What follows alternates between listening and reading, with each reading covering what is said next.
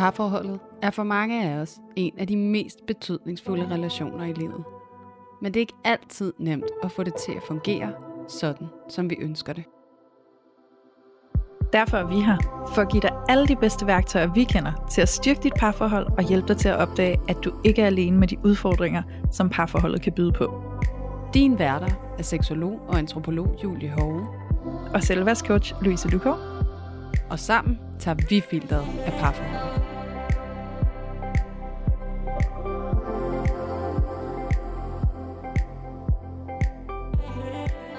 Hej og velkommen til Parforhold Uden Filter. Vi er tilbage efter sommerferien, og vi har glædet os til at fyre op under podcasten igen. Og så har vi fået et input fra en af jer kære lyttere, som rigtig gerne vil høre os tale lidt om de følelser, der kan være forbundet med, når man er gået fra hinanden, og man så ser sin eks gå ind i et nyt parforhold, uanset om man selv er i et nyt parforhold eller ej. Og det kan der jo være rigtig mange blandede følelser forbundet med, så det glæder vi os til at tage op i dag, fordi at det er jo nogle gange et spørgsmål om, at man måske ikke selv helt er klar til at rykke videre, og så ser man sin ekskæreste være videre. Det kan også være omvendt, at man måske går og føler, at man skal tage lidt hensyn til sin ekskæreste, fordi man måske selv er lidt hurtigere videre, end ens ekskæreste er. Og det kan jo byde på en masse forskellige følelser, og det kan være svært at stå i. Så det vil vi rigtig gerne komme med nogle input til i dag, og bare undersøge og gå på opdagelse i, og forhåbentlig give jer en masse guldkorn til, hvis I står i det.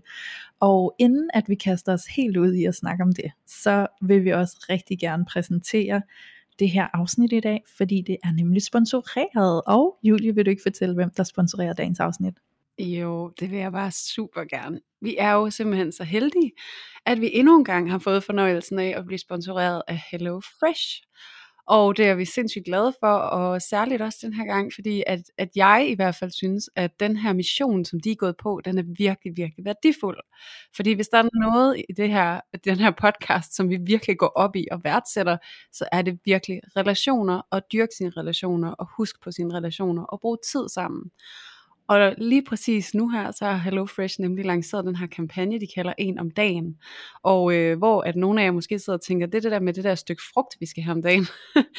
så er det andet her, fordi det handler nemlig om, at vi skal have en god stund med hinanden en gang om dagen som minimum. Og der står HelloFresh altså for, at vi skal bruge det her aftensmadsmåltid til at bruge tid med hinanden og til at være sammen. Og det synes jeg simpelthen bare er så fint og så fin en måde at komme frem på, når det er, man står med så fantastisk et koncept, som HelloFresh er. Fordi at jeg kan da i hvert fald selv vouche for, at jeg bruger det her måltid til at være tæt sammen en gang om dagen. Jeg bruger øh, rigtig, rigtig meget tid på også at planlægge, hvad er det, vi skal have, og jeg bruger meget tid, ikke fordi det behøver man at gøre, men fordi jeg faktisk involverer min søn i det. Og det her med at sidde og kigge på sammen, hvad er det, vi har lyst til? Hvad er det, vi skal lave? Og så er det faktisk blevet sådan et fælles projekt, og noget, som vi ser frem til. Hvad er det, vi skal have at spise i dag? Og det er sådan lidt spændende og lidt interessant og vi begyndte at lave maden sammen, og vi spiser det her mad sammen, og jeg kan altså godt mærke, at de uger, hvor jeg så ikke får Hello Fresh, der er vi faktisk også mindre sammen. Så derfor synes jeg, at det er en mega fed kampagne, fordi at det faktisk giver, hvad de lover på en eller anden måde. Ikke? Det her med, at vi netop får mere tid sammen, at der bliver sådan en naturlig lejlighed til at bruge tid med hinanden, og gå på opdagelse i madens univers sammen. Så øh, jeg er i hvert fald kæmpe glad for Hello Fresh, og øh, jeg er jo også lidt spændt på at høre, hvordan du har det med det, Louise. Om du også har sådan en oplevelse af, at du faktisk får mere tid sammen med dem, du holder af, når det er, du bruger de her måltidskasser fra Hello Fresh. Mm, helt sikkert. Altså jeg vil jo gøre det kort, fordi jeg synes allerede, du har ramt hovedbesømmet. Men øh, den oplevelse, jeg har haft, det er jo, at inden at mig og min kæreste, vi tog afsted ud i verden, fordi vi er på en rejse lige nu, øh, der øh, boede vi faktisk hos hans forældre. Og det her med Hello Fresh, det var faktisk enormt spændende, fordi Hello Fresh blev lidt sådan et tema, vi mødtes omkring, fordi de er jo en helt anden generation, end vi er, og det var da også tydeligt i ny og næ, når vi sådan bor tæt sammen på den måde, der kunne vi jo godt mærke, hvordan der var et skæld i, hvordan vi lever vores liv og vores hverdag, og det gik sådan lidt på kryds og på tværs. Men HelloFresh samlede os bare hver evig eneste dag en gang om dagen, fordi at vi jo sad sammen om aftenen og spiste aftensmad sammen, og vi stod og tilberedte maden sammen, men egentlig også, når vi skulle vælge retterne inden i deres app, der sad vi jo også sammen og besluttede, hvad har vi lyst til i den næstkommende uge, så der var jo faktisk mange punkter, hvorpå at HelloFresh, de ligesom sådan, blev sådan et knudepunkt for, at vi samledes os fire, selvom vi er så forskellige steder i livet, og laver så meget forskelligt i vores hverdag, så betød det ligesom, at HelloFresh fik vores veje til at krydse, og til at mødes hver aften og sidde og hygge sammen, og få snakket lidt om, hvad sker der i jeres liv, hvad sker der i vores liv, hvad vi er optaget af, og alt det her. Så på den måde, så var det jo med til at forbinde os, og det synes jeg bare er mega hyggeligt, og jeg synes, det er en mega fed kampagne, HelloFresh sætter fokus på her, fordi det netop er det, det kan, når vi samles over maden, ikke? Ja, Ja, lige præcis også det der med, at nu også for mig, som er øh, småbørnsforældre, ikke? altså det her med, at hele konceptet er jo strikket sådan sammen med billeder, og jeg ved ikke hvad, sådan at man faktisk kan lave det i fællesskab også. Øhm, fordi ja. nu siger du jo, at, at det var med svigerforældrene og kæresten, ikke? men det her med, at det faktisk også er muligt for børn at være med, fordi der er nogle billeder, vi kan se, hvad det er, vi skal, og det er trin for trin, og det er så super, super fint koncept, når det er, at man gerne vil gøre det sammen. Så øh, jeg er i hvert fald kæmpe fan, og øh, jeg tænker, at øh, I nu, som har siddet og lyttet på den her kæmpe, hvad kan man sige, praise af det her skønne, skønne koncept, som HelloFresh er, I skal selvfølgelig også have muligheden for at benytte jer af den her rigtig, rigtig fine mulighed til at isolere noget tid til at være sammen hver eneste dag omkring et måltid. Og øh, vi er jo så heldige, at vi har fået lov til at give jer en rabatkode, så det skal I selvfølgelig have fornøjelsen af, og koden den er parforhold, og det I gør, det er, at I går ind på www.hellofresh.dk, og så når I opretter jer, så skriver I altså den her kode parforhold, og det betyder, at I får 30% rabat på den første og den anden kasse, og 10% rabat på den tredje og fjerde kasse. Så der er altså en rigtig, rigtig fin rabat at hente lige her. Så øh, det får min aller, aller varmeste anbefaling. Og så tænker jeg også, Louise, at det er på tide at dykke ned i dagens tema og emne og tale lidt ind i det her med at mærke, hvordan følelserne de ligesom kan boble på den ene eller på den anden måde, når det er, at vi går fra hinanden, og der kommer nye mennesker ind i billedet. Så og inden vi gør det, så, så, ja. det er lige vigtigt, at vi husker at sige, at til alle jer, der gerne vil afprøve det her HelloFresh, så er det altså kun, hvis I ikke har været kunde hos dem før, at den her rabatkode gælder. Og at rabatkoden skal skrives med store bogstaver. Så parforhold med store bogstaver til alle jer, der ikke har prøvet HelloFresh endnu. Vigtig detalje. Så, så lad os vende tilbage, Julie, til dagens afsnit. Og det her med alle de følelser, der kan komme i spil, når vi går fra hinanden, og vi lige pludselig skal se hinanden rykke videre og fortsætte vores liv med nogle nye mennesker og et nyt parforhold. Så ja. Julie, hvordan har det set ud for dig? Altså sådan, jeg er spændt på at høre sådan din historik i at stå der i et brud, og så egentlig iagtage din, din ekskæreste komme videre, og se hvordan det påvirkede dig. Hvordan har din oplevelse været i forskellige situationer med det? Altså, jeg synes jo, det var interessant, sådan du stillede det op til at starte med, ikke? at der kan være den ene side, hvor man selv er hurtigt videre, og ser ens mm-hmm. eks stå og kigge ind i det, men også hvor ens eks er videre, og så står man så på ydersiden og kigger ind i det. Og jeg har jo erfaring med begge dele. Øhm, og jeg kan det huske sådan tilbage i teenageårene, så var det rigtig, rigtig hårdt, ikke? ja. øhm, jeg kan huske min, min eks, min allerførste kæreste, øhm, han var ret hurtigt videre. Og, øh, og det skar virkelig hjertet, og jeg kan huske, at jeg kom i sådan dyb kontakt med sådan en mindre værtsfølelse. Jeg ja. blev så meget i tvivl om, hvad har jeg af betydning? Hvad havde vores relation af betydning? Betød den ikke så meget for dig, som den gjorde for mig? Og hvordan kan det være? Og jeg kom jo hurtigt over i det, som ligger mig nærmest, og den, den her, har jeg ikke præsteret kæreste godt nok for dig? Eller mm. måske sådan, jeg håber, jeg har præsteret kæreste så godt for dig, at det du står i nu, ikke kan nå mig til sokkerholderne, agtigt, og du så vil vende tilbage. Øhm, ja. Så for mig, så på indersiden kom der sådan rigtig mange konkurrencefølelser på spil. Og ja. rigtig en stor selvbevidsthed omkring mit eget værd, og en tvivl på det, og egentlig sådan en vekslen mellem at føle mig endnu mere værd, eller endnu mindre værd. Så sådan, ja. super meget ude af balance, og jeg tænker, at det sikkert også er super genkendeligt for rigtig mange, at det er det, mm-hmm. vi kan pendulere imellem, ikke? og føle, at ah, jeg er også bare meget bedre end hende, eller omvendt, ej, hun er måske også meget bedre end mig, og måske var jeg slet ikke god nok, og altså sådan ja. de her meget kontrastfyldte emotioner, og jeg kunne altså sådan med rette spørge dig, Louise, som noget af det første, om det er noget, du kan genkende. Ja, ej, jeg sidder og bliver helt optaget af din historie, Julie, fordi den der sammenligning, ikke? men mest det du siger med, at du blev så konkurrencepræget, ikke? fordi det taler bare så meget ind i din enneagramtype nummer tre.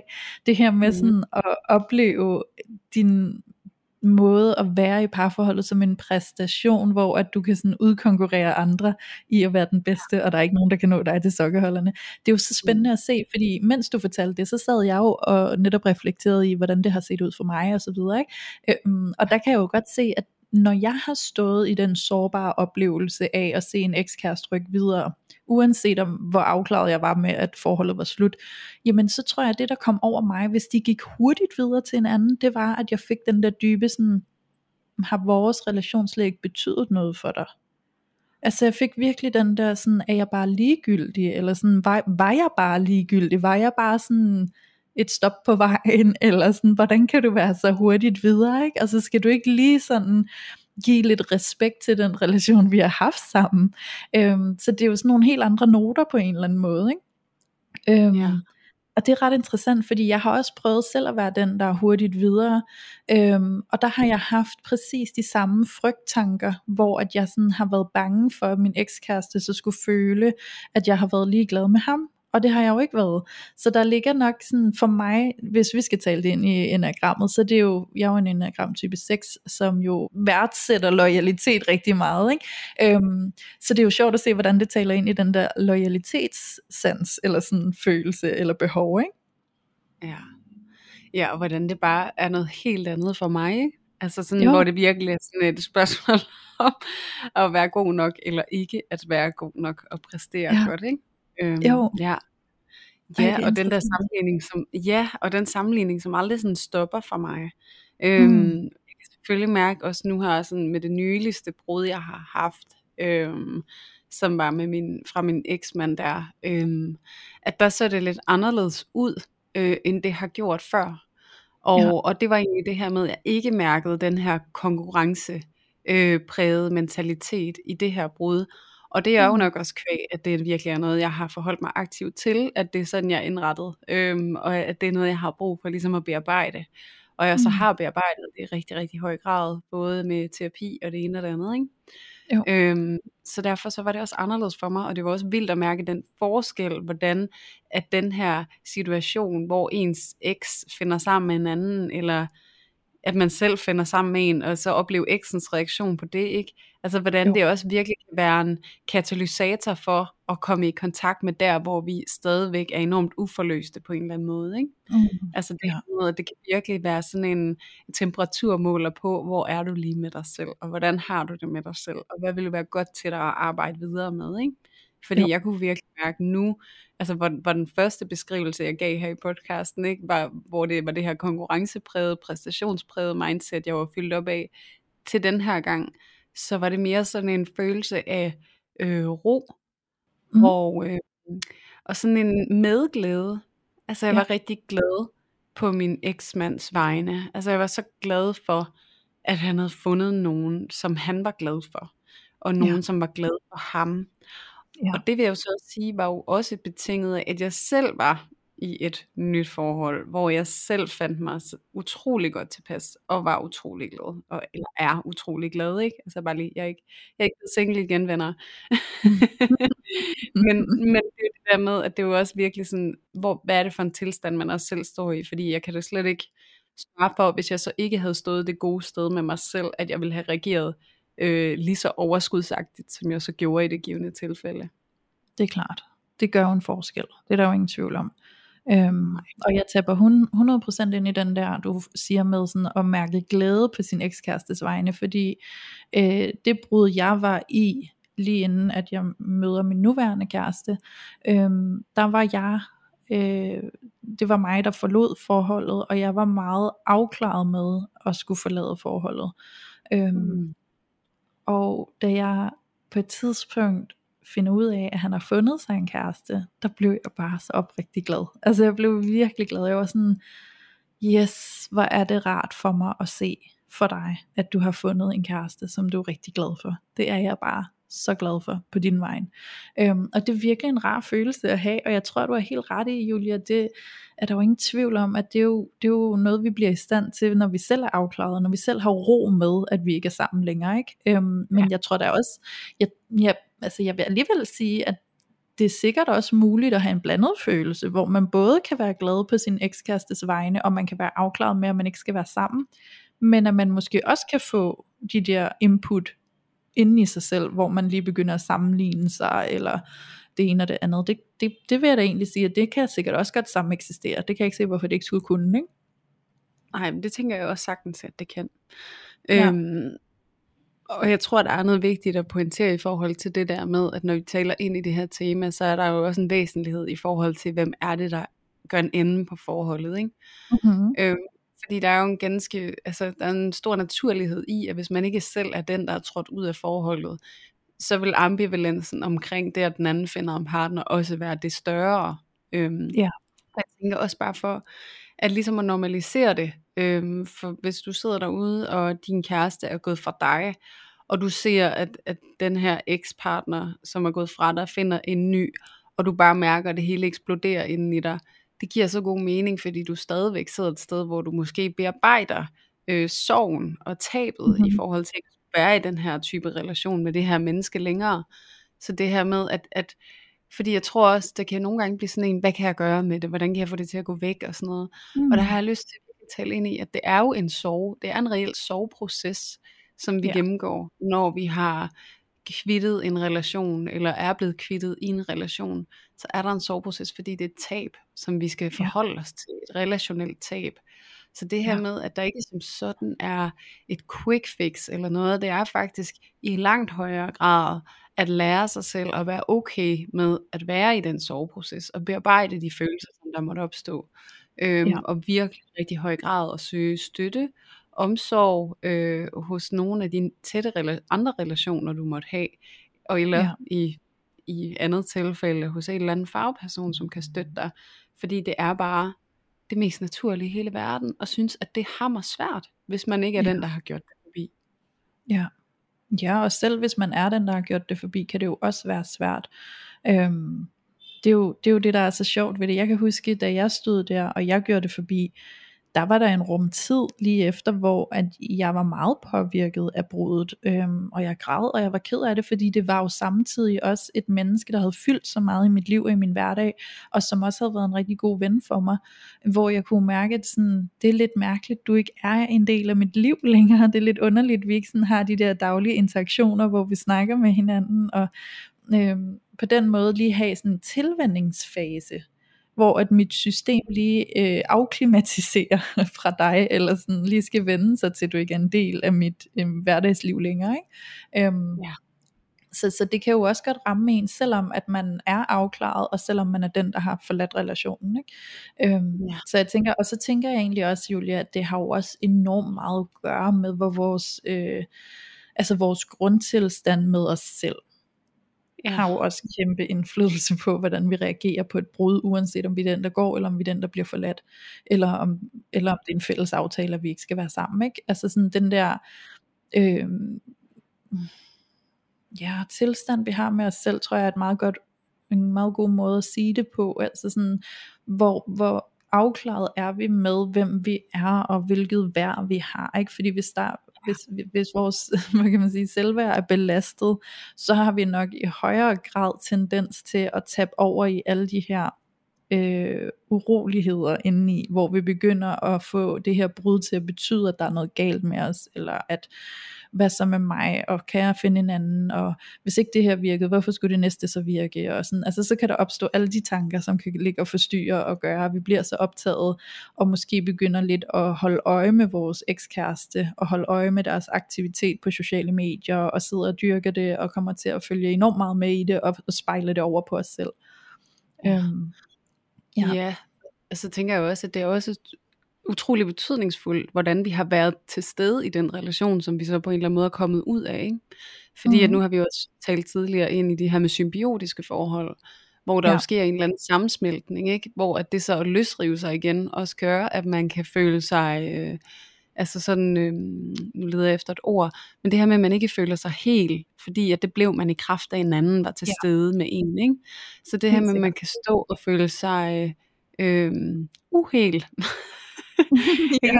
Det er det rigtige ord for det, men jeg er helt sikker på, at I ved, hvad det er, jeg mener. Men Ja. det her med, at man står virkelig og føler, at man mangler en stor del af sig selv, som man så skal til at fylde ud, samtidig med, at den del, man har af sig selv, måske står i en overvældende sorg over det Mm. tab af at miste sig selv. Og der er jo virkelig også en læring i forhold til, at hvis du mærker super stor ambivalens og sorg omkring at kom, være kommet ud af en relation, er der altså også en sandsynlighed for, at du i et eller andet omfang måske har, har givet dig så meget hen, at du har mistet dig selv lidt i det. Så det er Ja. jo virkelig også en rejse med at finde tilbage til, til dig, og hvem er du, og hvad bryder du dig Mm. om, og hvad er dine værdier, og hvor er dine grænser, og, og ligesom Ja. hvordan skal du gå frem i verden, sådan at det er godt at være dig. Det er jo Mhm. virkelig noget, som man skal til at forholde sig til, hvis det er, at man står fuldstændig opslugt, øh, og særligt også, hvis man nu laver den her bevægelse, hvor man nærmest kaster sig over i sin ekskærestes nye relation, og forholder sig super aktivt til, hvordan de Ja. er sammen, hvordan det må er anderledes, end hvordan I var sammen, og måske var jeres bedre, end deres er nu, eller altså hvis det er, du går på mission i at infiltrere det nye forhold, øh, ud, ikke nødvendigvis bogstaveligt talt, men bare inde i dit stille sind, at det fylder dig, så det er altså fordi, at du skal tilbage og genopbygge dig selv som oftest, ikke? Altså så er der et eller andet, der går tabt der i den proces. Helt sikkert.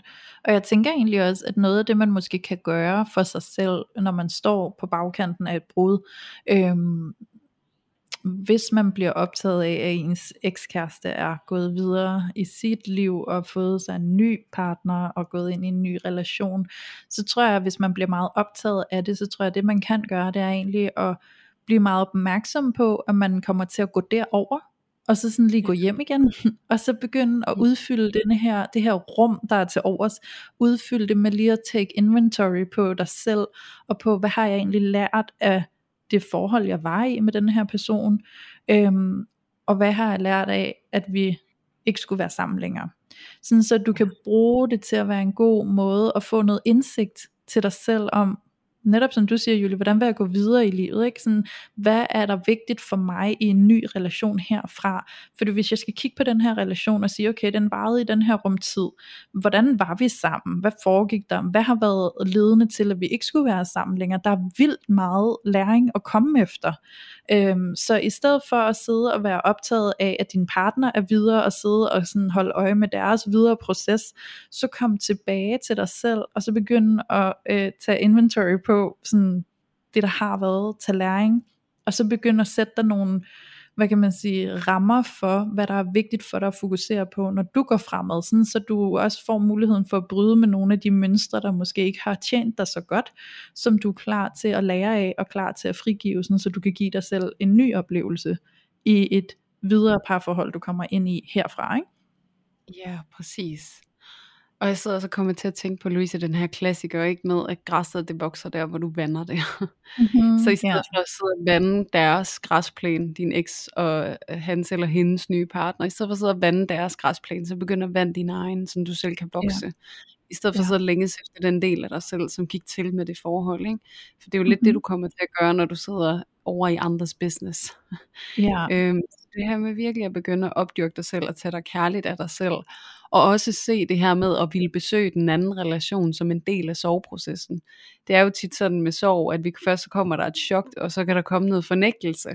Og det er jo tit ofte den her fornægtelse, som giver anledning til, at vi netop begynder at snuppe around i, jamen det var ikke, og det vil ikke, og jeg vil ikke acceptere, at det er sådan her, det er. Så derfor så begynder jeg sådan at gå aktivt til værks i det der, Ja. som jeg ikke har noget med at gøre. Ikke? Sådan, så, også så se dig selv lidt udefra, og se, det er faktisk en helt naturlig del af det, at være i en soveproces, at man kommer igennem det stadie, og så se det for, hvad det er, et stadie. Sådan Ja. at du på en eller anden måde bedre kan give slip på det, og ikke købe så meget ind i det, og sige, det er naturligt, at mine tanker henfalder til det sted. Det er naturligt, jeg føler impulser til at gå over og agere over i det her, som ikke er mit. Men jeg ser, at det er min soveproces, som er på spil. Og jeg skal bare tillade det at være og passere, i stedet for at købe ind i det og gå med det. helt sikkert. Jeg sidder og bliver inspireret af det, du siger, Julie, til sådan at stille sig selv spørgsmålet, hvad er det, jeg ikke er klar til at give slip på? Øh, så hvis jeg, hvis jeg hænger mig meget i min ekspartner, øh, og følger med i min, min ekspartners videre færd efter vores brud. Selvfølgelig er der en, en del af det, når det er meget nyt, som er helt naturligt bare sorg og bare sådan, wow. Men hvis det fortsætter i en længere periode, så måske prøve at mærke ind med dig selv, hvad er det, jeg holder fast i, som jeg ikke føler mig klar til at give slip på? Og hvad er det, jeg har brug for, for at kunne give slip på det? Så, så hvad er det, der er ufærdigt? Hvad er det, der ikke er afklaret inde i dig? Hvad er det, du stadig har så mange spørgsmål til, som du har brug for at få svar på, for at give slip? Øhm, det er ret interessant at gå i den proces med sig selv. Det er jo nogle dybe lag, man kan komme ned i og skulle have fat i. Ikke? Øhm, ja. Fordi der er jo helt sikkert et eller andet på spil, hvis vi bliver ved med at hænge os lidt. Også fordi vi nogle gange kan vi jo faktisk komme til at hænge os så meget i vores ekspartner og deres nye relation, at vi glemmer helt at leve vores eget liv og komme videre selv. Ikke? Øhm, fordi vi bliver så optaget af det. Så prøv at overveje, hvad er det ved din ekskæreste, som du hænger fast i? Hvad er det inde i dig? Fordi det er helt sikkert en del af dig, du hænger fast i, som du egentlig bare projicerer over på din ekskæreste. Ikke? Så hvad er det? Hvad er det, der ikke er færdigt? Hvad er det, der har brug for din opmærksomhed, din heling, for ligesom at kunne give slip og gå videre? Øhm, måske er det øh, pure accept for, at det ikke skulle være. Og jeg tror, noget af det, der oftest har hjulpet mig i, i livet generelt, når jeg har skulle acceptere noget, det er virkelig at forstå, at der er nogle mennesker, der kommer i mit liv, som ikke er meningen til at blive i mit liv. Øhm, ja. Og det er altså også bare sådan det her med at vide, at det er ikke ens betydende med, at jeg er forkert, det er ikke ens betydende med, at den person er forkert, det er bare ens betydende med, at vi ikke er et match længere. Øhm, og ja. det kan give en eller anden form for fred, at vide, at jeg ikke skal lede efter fejl i nogen af os, men at jeg skal bare vide, at det var et menneske, der skulle cirkulere ind i mit liv, og ud igen, fordi det skulle komme, det skulle give mig noget oplevelse med mig selv, noget læring, og så skal jeg tage videre derfra, hvad det er, jeg skal opdage. Sådan ja. så jeg kan ud, udvikle mig og sådan hele endnu mere og gå ind i noget nyt, som er next level-agtigt for mig, ikke? hvis man kan sige det sådan. Ja, ej, så jeg ja. bliver super inspireret af dig. Okay, lad mig høre. jeg synes, det er sådan en fin retning at gå i, fordi det er jo også tilbage til den her afromantisering, som vi hele tiden kontinuerligt genbesøger i den her podcast. Ikke? Altså ja. den her erkendelse af, at nogle relationer er stepping stones for os til at komme videre i vores egen proces. Ikke? Mm, jo. Egentlig det, jeg hører det der med, at du siger også med at slutte fred med det, hvor det er sådan lidt også en accept af, at vi er seriemonogame som flest. Altså mm. sådan, at det er det, vi er. Og så er det jo, man kan, og, det, og der hvor at det bliver svært at acceptere, at det er vi, og at nogle mennesker og nogle relationer er til for at passere, så det er jo det der med, at så kan vi få den der, hvorfor så overhovedet kaste sig ind i en relation, og lægge det arbejde i den, hvis den så alligevel ikke skal være for evigt og altid, ikke? Hvor at det der med at se værdien i, at det her med at give sig hen til en relation, og være i en relation, øger din relationskompetence i sådan en ja. grad, at du får endnu mere juice ud af alle de relationer, du har igennem dit liv. Ergo får mm. du et enormt rigt liv, fordi du bliver ved med at den der erfaringer med, hvordan du kan give dig hen i selskabet med andre mennesker. Og det er evigt værdifuldt, og det er der i værdien ligger.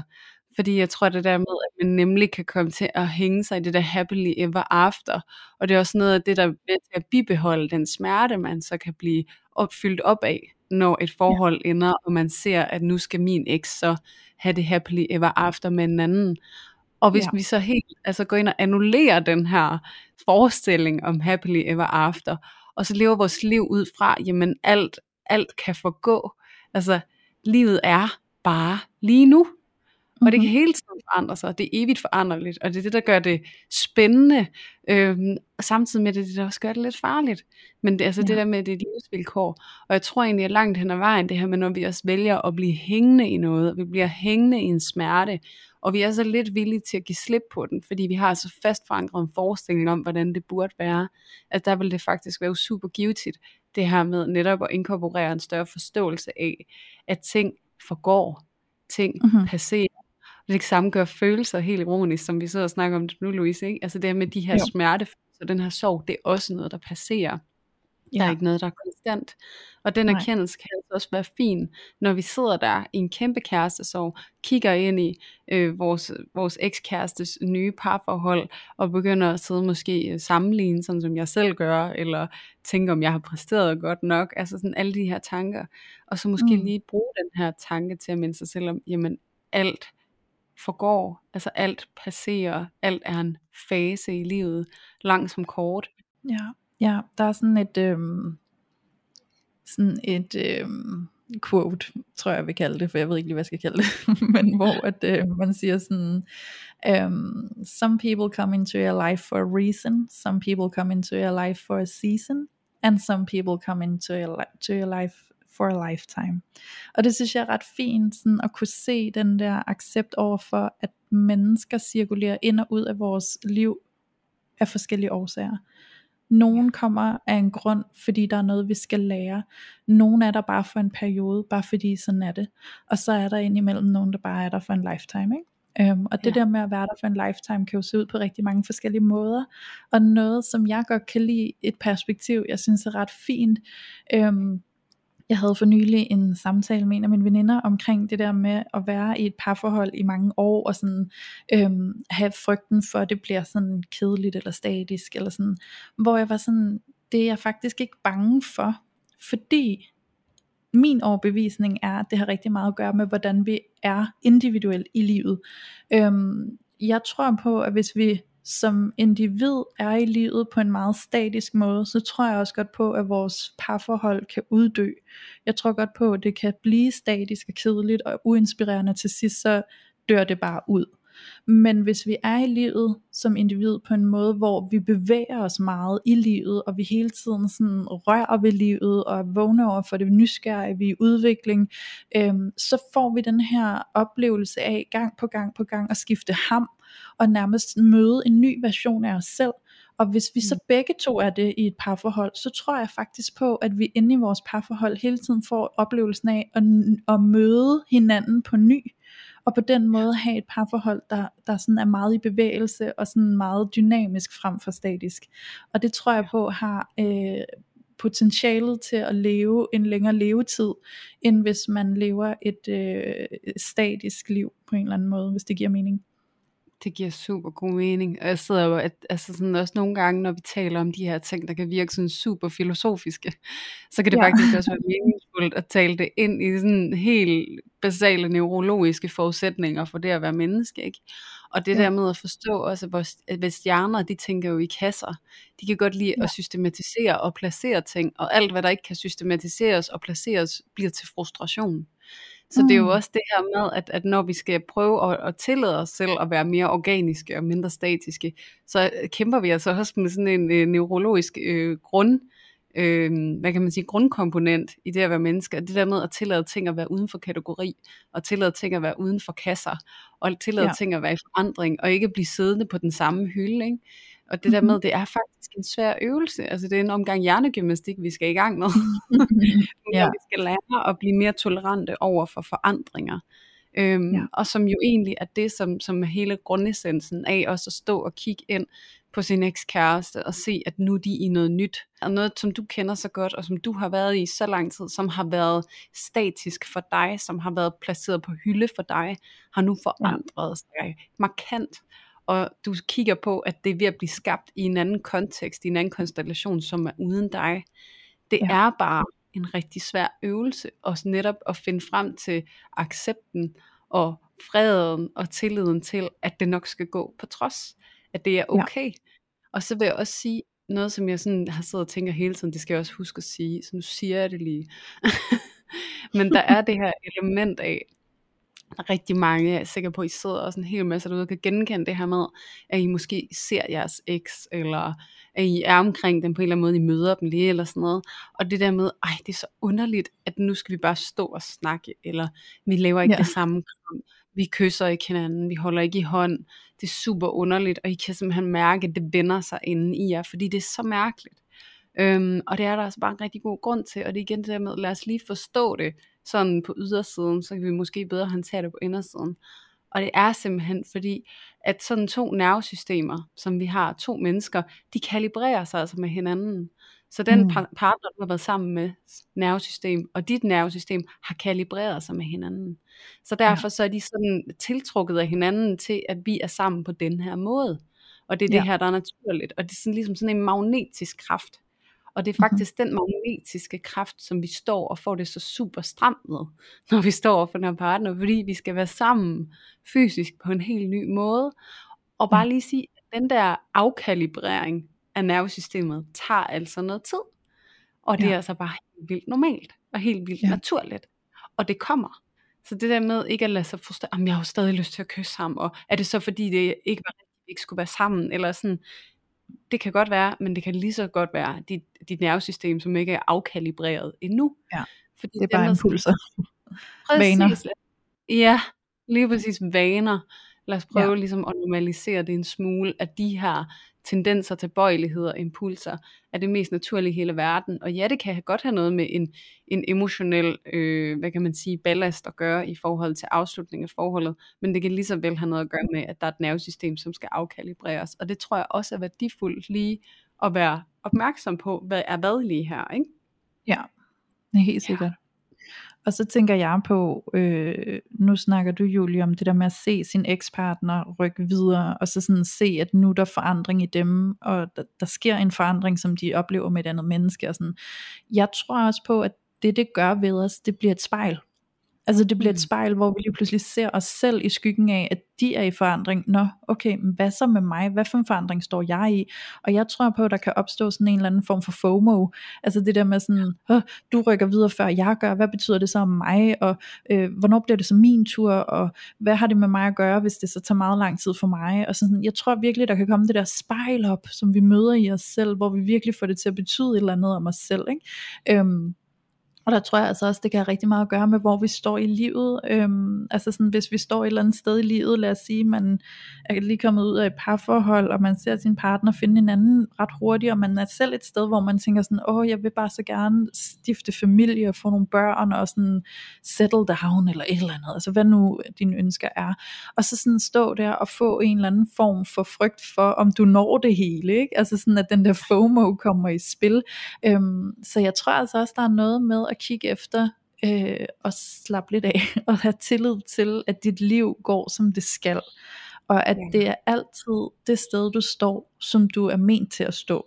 Fordi det er sådan, det skal være. Og der er altid sådan et eller andet, du ikke kan se endnu, fordi det har ikke sådan åbnet sig for dig endnu. Men det kommer, og det kommer til at være mega lækkert for dig. Øhm, og så læn dig ind i tilliden til det. Ja. Ja. Det er så rigtigt. Jeg sidder og får den der vibe af, du ved, når man er sammen med en partner, og man mega gerne vil have et barn, ikke? og man prøver at blive gravid, og man bliver så forhippet på det, og det bliver så systematiseret, at det er ulassergørligt. Ja, øhm, det kroppen, som vil. Ja, og det er jo sådan faktisk lidt den samme tilbøjelighed, man kan få, når man står der øh, og har lavet et parforholds-exit øh, på den ene mm. eller den Mm. anden måde. Ikke? Altså, Ja. at man kan netop få den der enorme FOMO, og man kan blive så optaget, at også det, man kommer til at gøre i mødet med nye mennesker, det er, at man udstråler sådan en form for desperation. Ja. Øhm, og hvor det virkelig, altså den der desperation har brug for at blive imødekommet af en enorm tålmodighed og empati og accept, ikke? Altså sådan, wow, okay, vi er her, det er okay, Ja. det skal nok gå. Altså sådan noget beroligelse på en eller anden måde, ikke? Hvor det er så vigtigt, at vi lærer at generere det i den situation. Ja, jamen helt sikkert. Og så hørte jeg på et tidspunkt nogen, der satte spørgsmålstegn til, hvorfor er det, at vi som samfund har en overbevisning om, at vi selvfølgelig skal være i et parforhold, og at vi kan komme til at kigge på singler som øh, værende på vej til et parforhold, de bare ikke har fundet endnu. Og den tror jeg altså også godt kan påvirke os lidt, når vi står der i et brud og ser vores ekskæreste rykke videre med en ny partner, og så står vi måske bare og tænker, når ja, når man, når man slår op, så er det næste step jo at finde en ny-agtigt. Det er kun et spørgsmål om, hvor lang tid det tager. Øhm, ja. Så det er som om, at hele tiden er formålet at være i et parforhold, så når vi træder ud af et, så er næste, næste punkt på plakaten eller agendaen, det er jo så at komme ind i et nyt parforhold på et eller andet givet tidspunkt, når man er klar til det. Ikke? Øhm, så jeg tror også, der er noget i at give lidt slip i det, og give sig selv lov til sådan, hey, livets højeste formål behøver ikke altid at være i et parforhold. For nogen kan det være øh, vigtigere, og virkelig sådan, altså jeg har det personligt sådan, at jeg kan da godt mærke på mig selv, at jeg sætter enormt meget pris på det. Jeg elsker det virkelig at være i et parforhold. Og jeg tror på, at der er nogle mennesker, der er mere sådan øh, grundlæggende men til det, og så er der måske nogen, der sådan i højere grad øh, er men til, ikke nødvendigvis at skulle være i et parforhold, og sådan kan vi være forskellige. Ikke? Men jeg tror, der er noget i at give sig selv lov til, at man ikke er unfortunate, hvis man ikke er i et parforhold. Altså sådan, at man ikke er den, der har tabt, at man ikke er den, der sådan er mindre værd, eller alt det her. Ikke? Øhm, og så tror jeg, der er noget i at give sig selv lov til at skabe lidt modstand på, når du hører nogen omtale et eller andet, der tegner i den retning. Sådan nogle kommentarer som sådan, nå, jeg kan da ikke forstå, hvorfor du er single, eller alle sådan nogle kommentarer, som tapper ind i det der med, at vi burde være i et parforhold, hvis vi ikke er det. Dem tror jeg, vi skal tillade os selv at give lidt modspil til, for ligesom også at frigøre os selv fra den her overbevisning om, at hvis vi ikke er i et parforhold, så er vi bagud. For jeg tror også, det er den følelse, der nogle gange kan komme ind over os, hvis vi så står og ser en ekspartner, der er videre med en ny, så står vi og tænker, fuck, så er det mig, der er bagud. Ikke? Øhm, og jeg tror, vi skal frigøre os selv fra at se det som om, at det er et eller andet kapløb. For det er det jo ikke. Nej, det er det nemlig overhovedet ikke. Det vigtige i alt det her er jo egentlig at tillade sig selv at tage det i ens eget tempo. Fordi det ja. netop er så super individuelt, hvor vi står på den anden side af et parforhold. Hvad er det for en type arbejde, det er godt for os at give os i kast med? Er det ja. måske egentlig faktisk det her med at vedblive i og øve os i relationer, på at være i relation til os selv, fordi vi fungerer pissegodt selv, men vi bliver udfordret i det at være i relation, så kan det være, det er det, der er, er ud løsning for dig. Men det kan mm-hmm. også være, at du fortaber dig så meget i relation, og ikke har noget tilbage selv, at det går for dig, måske, vil måske være at lige klappe hesten lidt, og så få det godt med dig. Ja. Øhm, og, og så tusind nuancer af det, ikke? Men altså det her med, at det er så individuelt, hvor vi står. Og så tror jeg også, ja. altså det her med netop ikke at glorificere parforholdet som det eneste saliggørende, er det også lige så vigtigt ikke at komme til at glorificere single-livet som noget, man bare skal være okay med. Altså det der med, at single-livet i så høj grad skal valideres øh, som et aktivt valg, kan også gøre, at nogen kan stå i en position, hvor de sådan, jeg er forkert, fordi jeg ikke bare har det okay med at være single, fordi ja. jeg længes ja. efter parforholdet, fordi jeg drømmer om det, at jeg nu ikke woke, eller mm. altså sådan, hvis du ja. mig, det er ikke særlig woke have en kæreste, fordi at mm. det skal have det nice med at være single, ikke? eller solo, eller... Ej, men er det ikke så også det... bare et spørgsmål om, i virkeligheden, at vi alle sammen skal være gode til at tillade, at man bare har de ønsker, man har. Og har, altså sådan, ej, det jeg prøver at sige, det er bare at komme lidt ud af alle de der skide kasser, hvor vi sådan beslutter, at der er et eller andet, der sådan er fælles rigtigt, eller sådan, så, er det, så er det rigtigt at være vogue og ikke have behov for et parforhold. Men hvis jeg har behov for et parforhold og ønsker mig det, så er det jo det, der er rigtigt for mig. Øhm, altså sådan, og hvis jeg ikke har det, så er det det, der er rigtigt for mig. Så det er nok også noget med at gøre, at jeg egentlig bare prøver at hylde det her med, at vi måske kan rumme forskelligheder. Ikke? Altså at bare sige, der er ikke noget, der er mere rigtigt end andet, og sådan, jeg synes nogle gange, at, at der kommer lidt sådan nogle trends, hvor at så kommer vi ind i sådan en eller anden rytme alle sammen, hvor nu skal vi hæppe på det her, eller nu skal vi være vogue over for det her, og så dit og så dat, ikke? Og jeg synes nogle gange, så kan jeg mærke på mig selv, at jeg næsten kan blive helt blind, fordi sådan, nå okay, jamen så er det det, det er at være vogue, og så må vi gøre det, eller sådan, ikke? Altså, åh, kan vi nogle gange bare give slip på alle de der skide kasser, og så egentlig bare have tilladet, at der bare er en helt masse forskelligheder. Ja.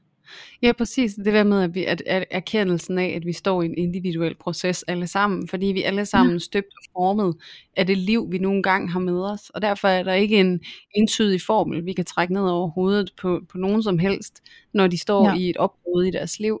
Det er så individuelt, fordi at den rejse, der er, ret, der er rigtig for dig, er så defineret af også, hvor du kommer fra. Altså sådan, hvad er det for en rute, du går på? Ikke? Altså sådan, hvad, hvad, hvad er rigtig måde at fortsætte på for dig?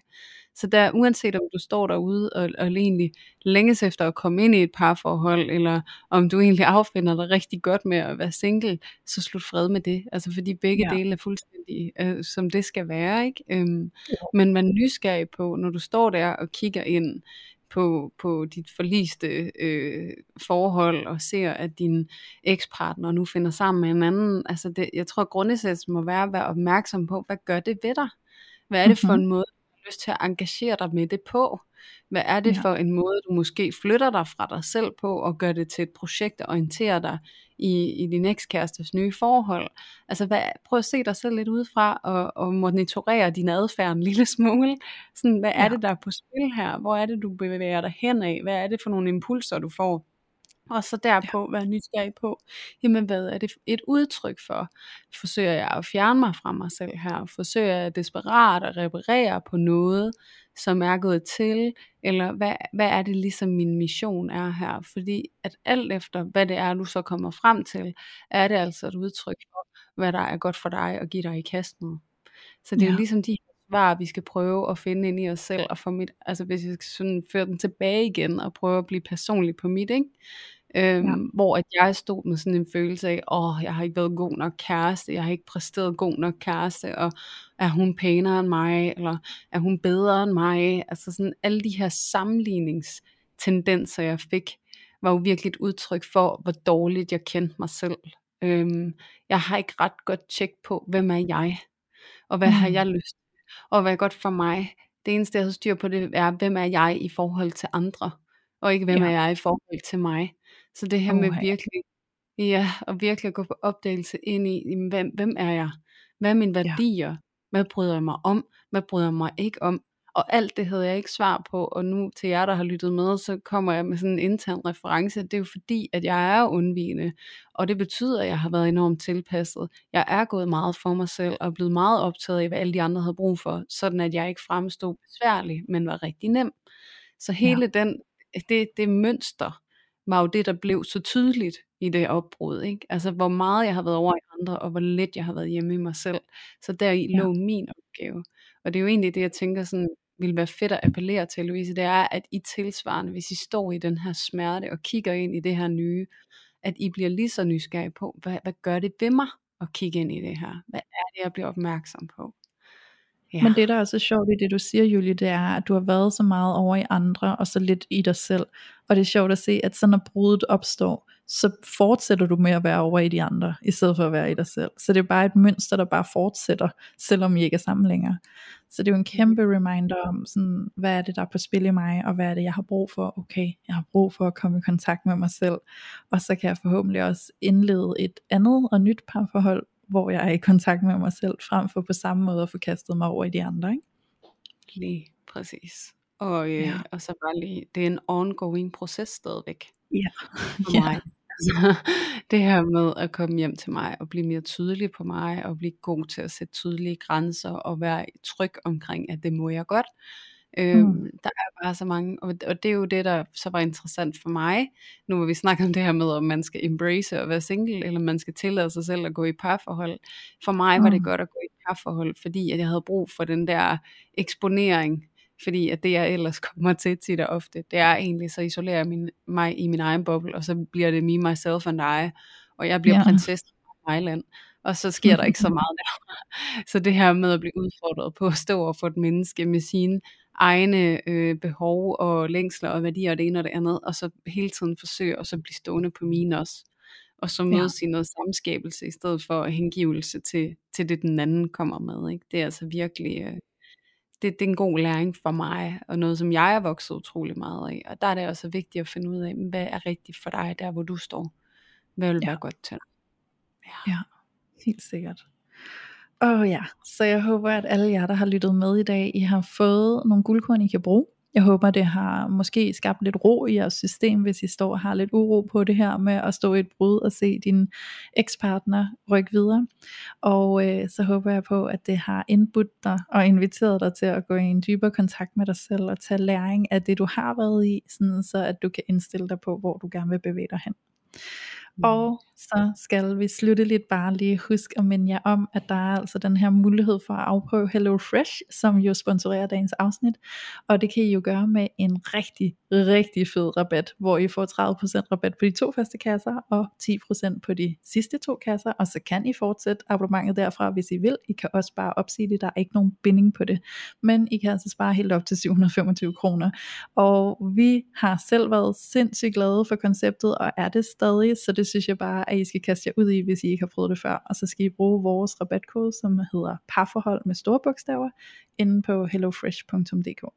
Ja, og så skal vi jo banen tro også lige huske at give alle sammen en, en varm, varm invitation til at komme ind og deltage i vores fællesskab på Facebook.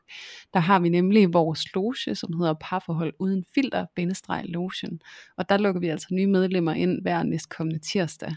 Og det er altså et helt fantastisk fællesskab, hvor det er, at alle jer skønne lyttere, alle jer, som er gået ind og joinet, I deler fuldstændig ud af, af alle jeres problematikker og gode råd og erfaringer og det skaber altså det her vildt varme fællesskab, hvor at man virkelig kan komme frem med det, som er allersværest, og modtage spejling og støtte og rådgivning fra ligesindede. Og det, ja, altså Louise, vi siger det jo hver gang, altså det er næsten blevet sådan en glæde, der er kedelig at høre på, ikke? for det er bare det samme.